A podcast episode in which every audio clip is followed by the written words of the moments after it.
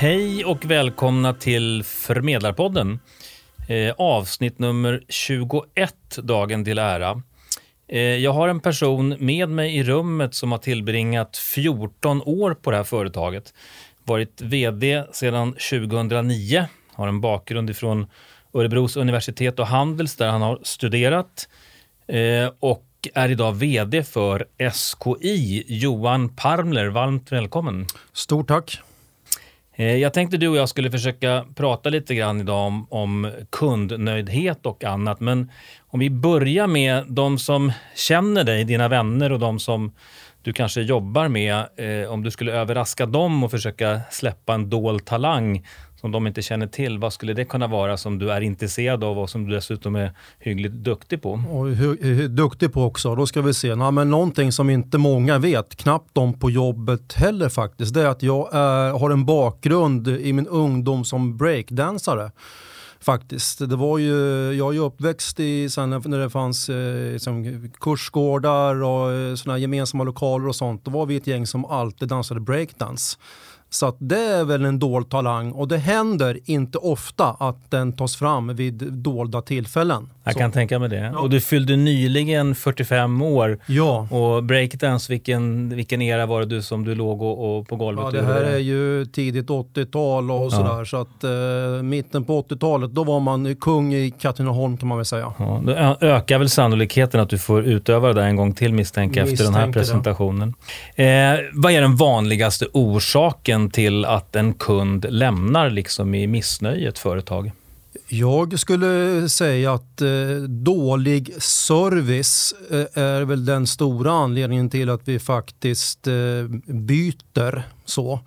Eh, det, det, är sånt som sitter i, och, sitter i, i kundupplevelsen idag på ett sätt som vi Eh, vara mycket, mycket mer medvetna kring. Så när vi, när vi som kunder tycker att det blir komplicerat och inte får den hjälp vi behöver, då får vi upp ögonen för andra och det behöver man ju undvika om man vill behålla sina kunder. Mm. Kan man säga att den typen av otrohet, att man lämnar, ökar den sett över tid eller är den ungefär konstant? Nej, vi, har ju, vi har pratat ju lite grann om den nya lojaliteten där vi som kunder till stor del vill kanske prova på andra leverantörer i större utsträckning än tidigare.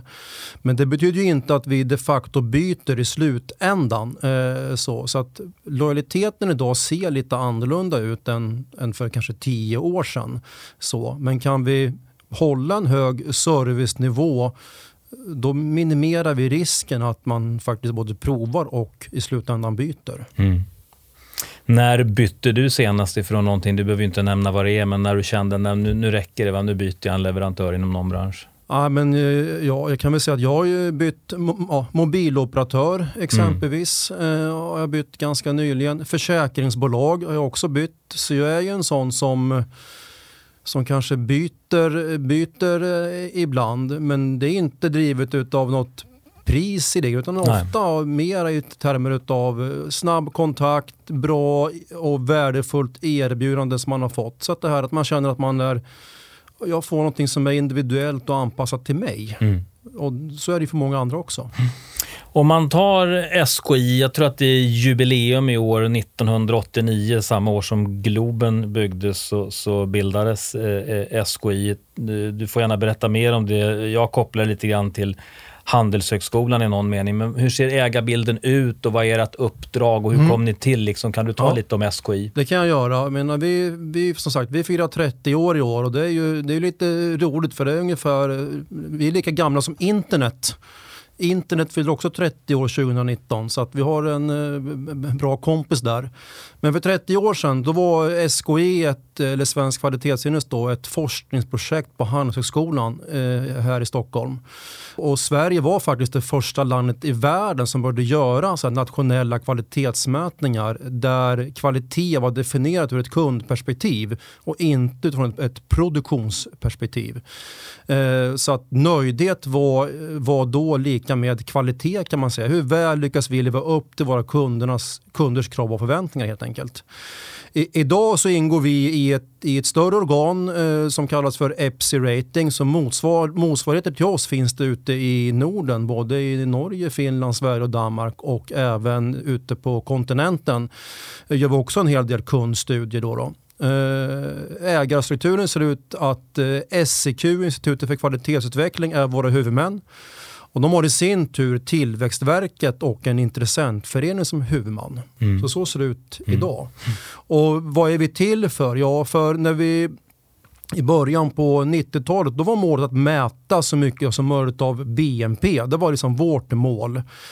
Idag är det väl mer att, eh, brukar vi säga, att vi, vi finns till för att eh, vi vill eh, vår vision är helt enkelt hållbara insikter för en hållbar framtid.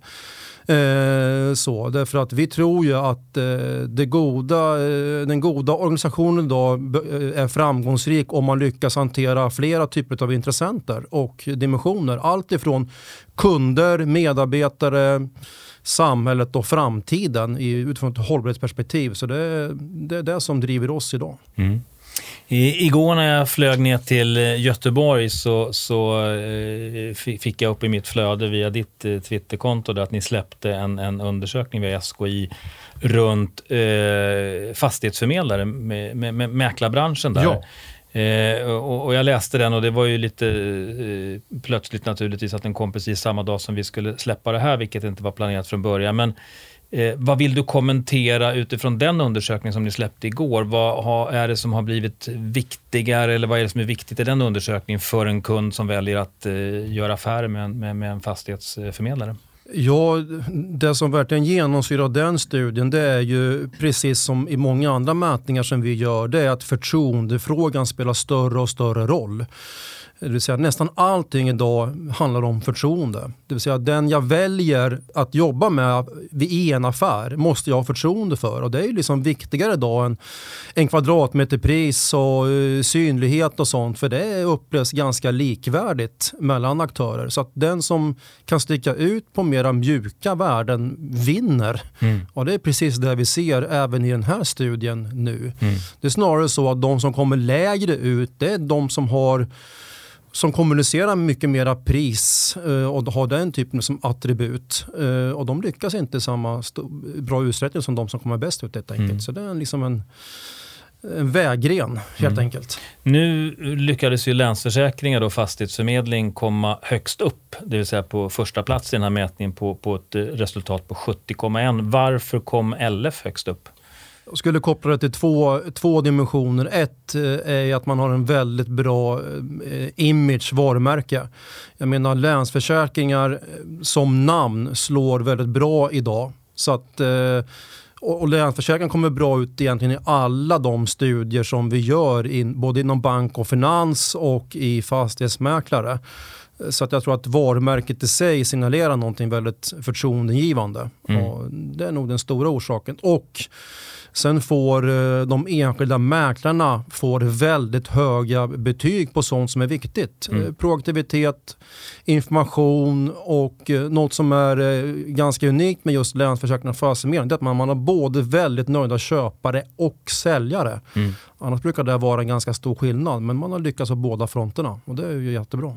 Eh, någonting som slog mig när jag läste det också, det var väl att, att eh, några sa att det var låg grad att rekommendera andra att börja jobba i branschen. Ja. Varför kan det se ut på det sättet? Ja, men det är ju en, eh, det är klart att det är ju en bransch som det är mycket arvodesstyrt med allt vad det innebär. Så det är väl en annan typ av utav medarbetarsituation som, mm. som uppstår där och jag tror att det är det som En inbyggd osäkerhet ja, i liksom, vilken man etablerar. Ja. Spännande. Eh, tack för det. Om man eh, lyfter blicken lite grann och så går vi in och tittar i ett perspektiv och vi jämför oss i Sverige och liksom svenska konsumenter eller köpare, kunder och i ett internationellt perspektiv. Kan man se några mönster eller skillnader där på hur nöjda vi är? Ställer vi större eller mindre krav? Tar vi ett nordiskt perspektiv, där vi, där vi gör mätningar, då ser vi att då kommer ju Sverige ganska lågt ut förhållandevis. Eh, så vi, vi tolkar det som att vi ställer lite högre krav och är lite, lite mer eh, om och kring oss kring de kring, kring förväntningar som vi har på våra leverantörer. Det är ganska stor skillnad mellan exempelvis Sverige och Finland. Eh, så även ja, i, i, i, ett nordiskt perspektiv så kommer ju Finland väldigt, väldigt högt ut eh, generellt. Eh, så. Och vi i Sverige ligger väl, ja, vi ligger väl tyvärr, får vi säga då, ganska långt ner i den nordiska rankingen. Mm. Eh, så. Det man ska ha med sig när det gäller internationella jämförelser, vilket ibland man glömmer bort, det är att det finns ju kulturella eh, effekter eh, som man, man, måste, man bör ta hänsyn till. Om man ska våga bli lite akademisk här, vilket man kanske får vara, så brukar vi ju säga så här att i, i Finland så har man ett annat betygssystem än vad vi har i övriga Norden. Och det brukar i och för sig spela, spegla, spegla av sig i resultaten också. Så att, men även när man korrigerar för den typen av effekter så, så är man ändå nöjdare i, i, i Norden än i andra länder än vad man är just, just i Sverige. I Sverige ja. Men det finns ett annat perspektiv som jag tycker är intressant och det är när man tar medarbetarperspektivet. Och det är väl det jag kanske, jag får nästan lite ont i magen eh, faktiskt. Och det är att vi ser ju våran, vi gör alltid en kartläggning av hur, hur, över hur vi mår på jobbet i Sverige.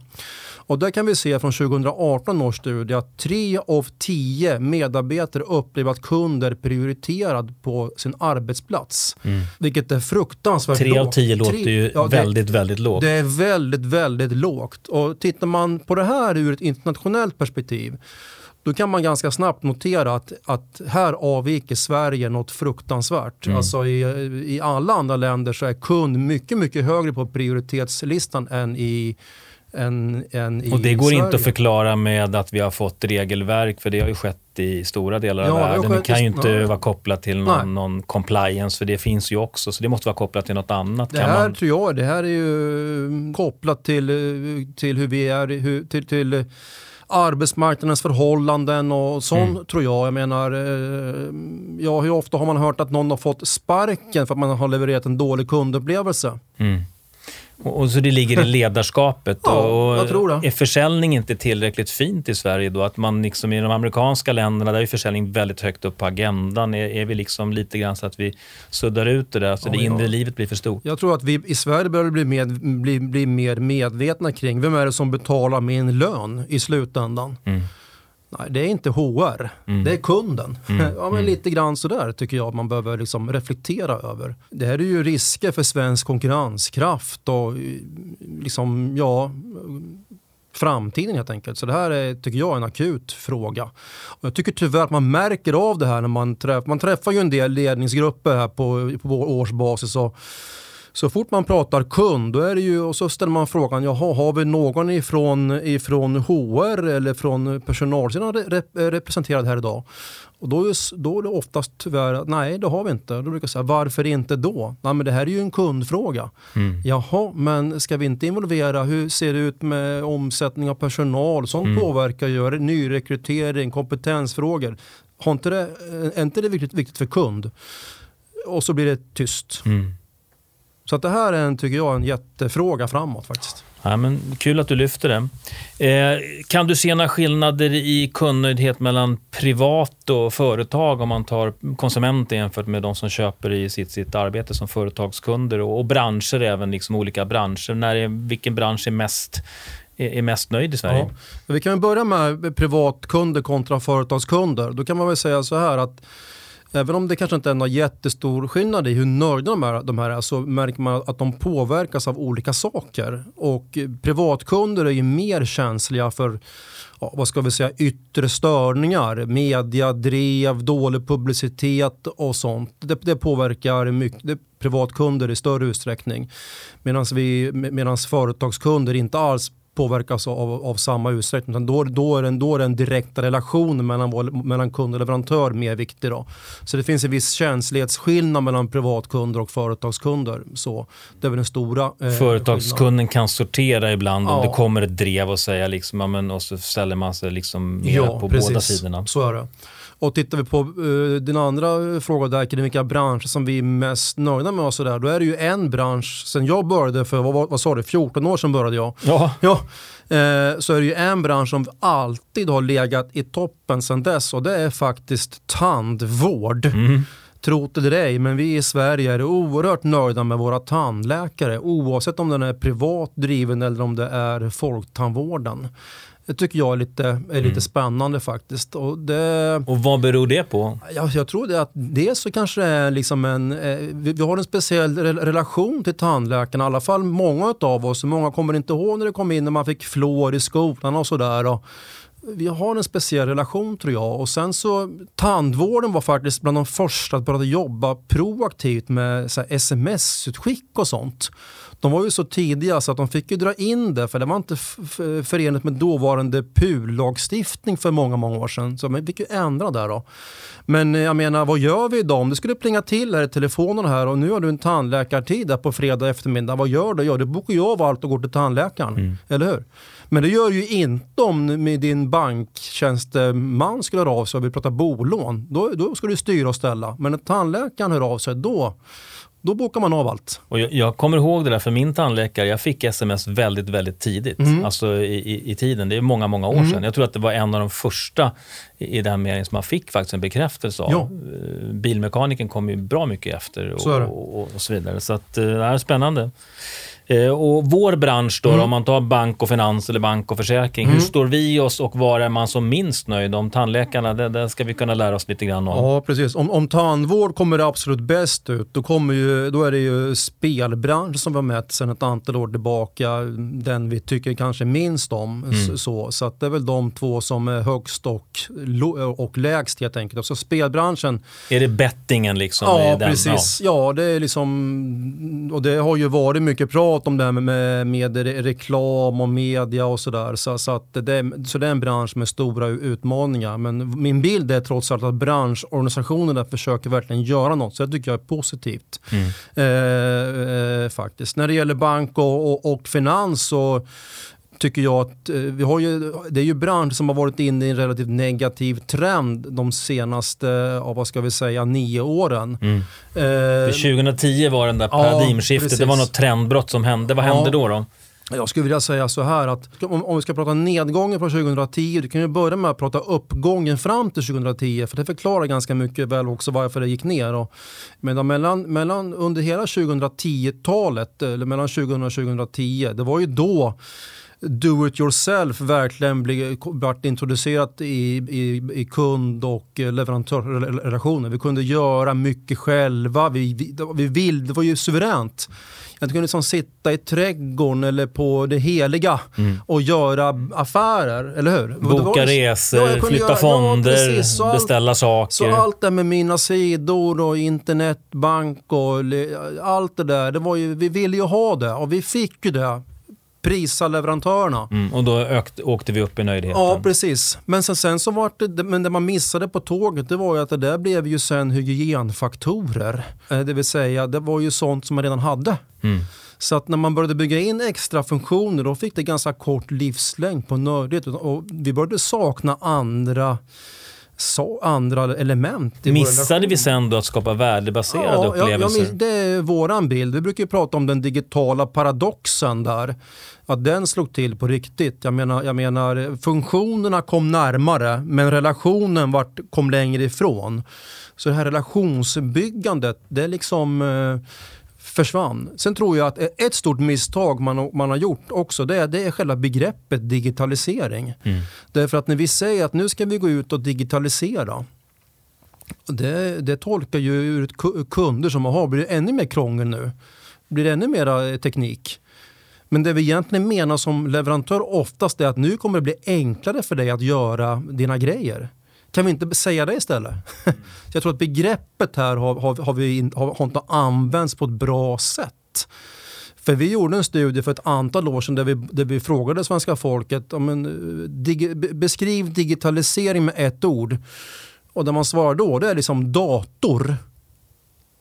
Så det är det man förknippas mm. med. Så att det, det gäller att liksom berätta vad man vill åstadkomma och, och sen så är digitalisering ett verktyg runt omkring istället. Men det låter så, som att hygienfaktorn åkte upp och sen när vi skulle uppleva de här icke, som inte blev så värdebaserade tjänster, då blev det olika typer av applikationer och det blev olika typer av tjänster ja. som inte skapade det värdet. Så kunden tyckte snarare som att nej, men, de vill bara plocka bort mig från någonting. Ja, istället för att förenkla och sen mm. kunna jobba med rådgivning. Vi brukar ju säga så här att idag så kan ju digitala verktyg som de ser idag, de, de, kan, de genererar ju bara missnöje. Mm. För det är inte så att jag känner mig så här jättenöjd när, jag, när det funkar. Mm.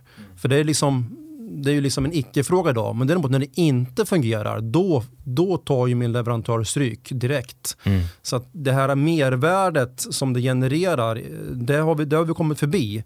Just nu i alla fall, så kan det hända saker och ting framåt i och för sig. Men just nu så ser vi mer att, mer att det är en, en klassisk hygienfaktor. Vi älskar tekniska tjänster i Sverige. Mm. Alla gör det.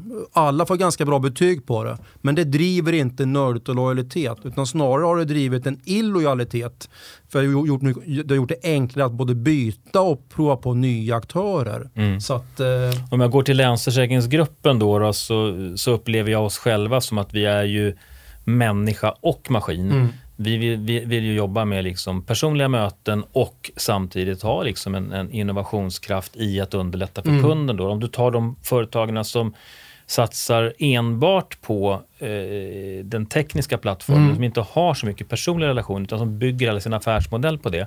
Och, och egentligen då naturligtvis i, i vår bransch också. Då, men kan man dra någon slutsats att de kunderna som får bara det, är, är de nöjdare än de som får människa och maskin? Kan man se någonting av det redan nu? Skulle, för ett par år sedan så var det ju väldigt tydligt då att de här som var rent digitala ja. hade ju jättenöjda eh, kunder. Men drevs också mycket av att man kunde gjort, gjort ett aktivt val, de låg i framkant i, i det digitala gräns, gränssnittet och sådär. Idag så är, är ju, har ju många kommit ikapp. Så att utmaningen framåt för de digitala det är att hur ska man kunna bli ännu bättre än de, ska säga, de traditionella aktörer som har både och. Jag tycker vi ser en tendens av, eh, och det var också en del utav, utav som vi såg i studien under, under, under 2018, det var att de som, de som kan leverera både och, de har just nu en konkurrensfördel framåt faktiskt. Mm. Mm. Det, så det är inte en fråga om, om antingen eller utan både och. Mm. Utmaningen blir då för de som bara har det digitala, vad ska de göra framåt för att kunna få in det, det här personliga i, den, i det gränssnittet? Mm. Och det är den frågan många ställer sig. Hur ska mm. det gå till? Mm. Och då är det väl så att då finns det en efterfrågan naturligtvis och det finns ett förväntansvärde och i min värld då, då blir det väl så att, att man, man, måste kunna överträffa förväntningarna, man måste kunna förenkla för kunder, man måste vara begriplig i ett sammanhang som innebär att ja, men det är det här som jag liksom efterfrågar. Ja. Hjälp mig med det. Mm. Och får man inte hjälp med det basala eller skulle man gå in på en bank idag så säger vi vi har tyvärr inte eh, Swish-tjänsten. Du kan inte få det i den här banken eller du kan inte få bank-id heller. Det är klart, då går man väl ut för hygienfaktorn är redan där. Ja, precis. Det är sånt som bara ska, ska finnas. Så att, kan vi konkurrera på de här, vi, vi brukar ju säga att de, framtiden handlar mycket om att leverera på mjuka värden. Och mjukt värde i vår värld det är ju en serviceupplevelse i termer utav det här lilla extra. Proaktivitet, ge råd vid rätt tillfälle, vara tillgängliga vid rätt tillfälle. Eh, och, och, så. Så eh, eh, är man på de frågorna då har man ju allt att vinna framåt. Mm. Vi har ju 21 län i, i Sverige då, då, och om man jämför till en början då, liksom storstad och man utanför storstad, liksom, finns det några tecken på olika skillnader mellan hur, hur nöjda kunderna är om de finns liksom i storstäderna jämfört med utanför eller norrut eller söderut? Ja, men det finns ganska stora skillnader geografiskt och ja, det är klart att kunder i storstäder ser vi har högre krav och förväntningar, är svåra att tillfredsställa. Så det är ganska naturligt att när man, att man, är man storstadsbaserad då kommer man i, i regel lägre ut. Så det finns en någon sån naturlag skulle jag vilja säga. Eh, så man ska vara försiktig och jämföra, eh, jämföra geografiskt om man inte har någon bra jämförelsepunkt. Jag menar, det märker vi när vi tittar på de här länsbolagen att, mm. att, att, att uh, i Stockholm kanske kommer ganska bra ut om man jämför med branschen i Stockholm. Mm. Uh, så man måste ha med det perspektivet också för det är, det, där ligger den stora skillnaden geografiskt. Däremot när det gäller Eh, ålder och, och kön och arbetssituation. Det mm. tycker vi snarare att där har liksom skillnaderna suddats ut mm. över tiden. Så, så det går att, inte att säga att en kvinna är generellt sett mera nöjd med leveransen än en man? Utan det nej, så var det mer förut, förut skulle jag vilja säga. Nu, nu har det där suddats ut. Ja. Och kulturellt om man har liksom en bakgrund från ett annat land när man kommer till Sverige? Kan, eller vara, kan, vara, här, kan vara vissa skillnader men, inte, men det är större, den geografiska utmaningen är större större än den sociodemografiska ja. skulle jag vilja säga. Eh, om man då tar de här eh, intermediärerna, eller liksom, vi jobbar ju i en bransch också där vi säger till våra kunder att vill de möta oss i Länsförsäkringsgruppen via en försäkringsförmedlare så, så, så, så accepterar vi det och respekterar den mm. fullmakten. Så går man till Söderberg Partner eller Max, Mathien, Max Mathisen, Ejen, Mars, Willis eller så, så, så är det liksom, och när vi mäter det, vad kan man dra för slutsatser av kundupplevelsen att möta en försäkringsförmedlare jämfört med att gå direkt till ett försäkringsbolag? Vi mäter ju det i vår studie jag har gjort under många, många år. Vi har ju alltid noterat att man är mer nöjd när man går via en försäkringsförmedlare än har en direkt relation. Och det handlar ju om att man, man har lyckats skapa ett mervärde, man ligger närmare kund, man ser kundens behov och man har också kundens verksamhet i fokus på ett annat sätt. Eh, och det ger helt enkelt eh, avkastning i termer av nöjdare kunder. En, en högre proaktivitet, ja. en, en, en, bättre serviceleverans ja, i sådana fall. Man måste ju på något sätt liksom skapa värde i det här mellanskiktet och det lyckas man absolut med. Så att, mm.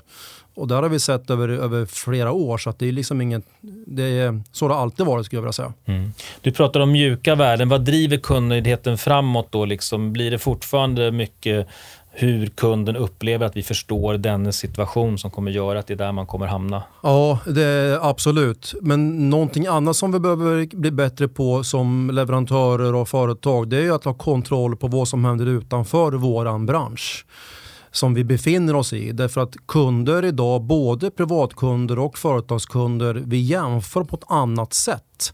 Jag menar om jag vill ha en bra service då, då jämför jag ju, då, förvänt, då, utgår jag ifrån kanske ett helt annat område. Jag menar, vad, gör min, vad, hur, vad får jag för service om, om mitt revisionsbolag? Det kanske är jättehögt. Då blir det ett nytt krav på min förmedlare.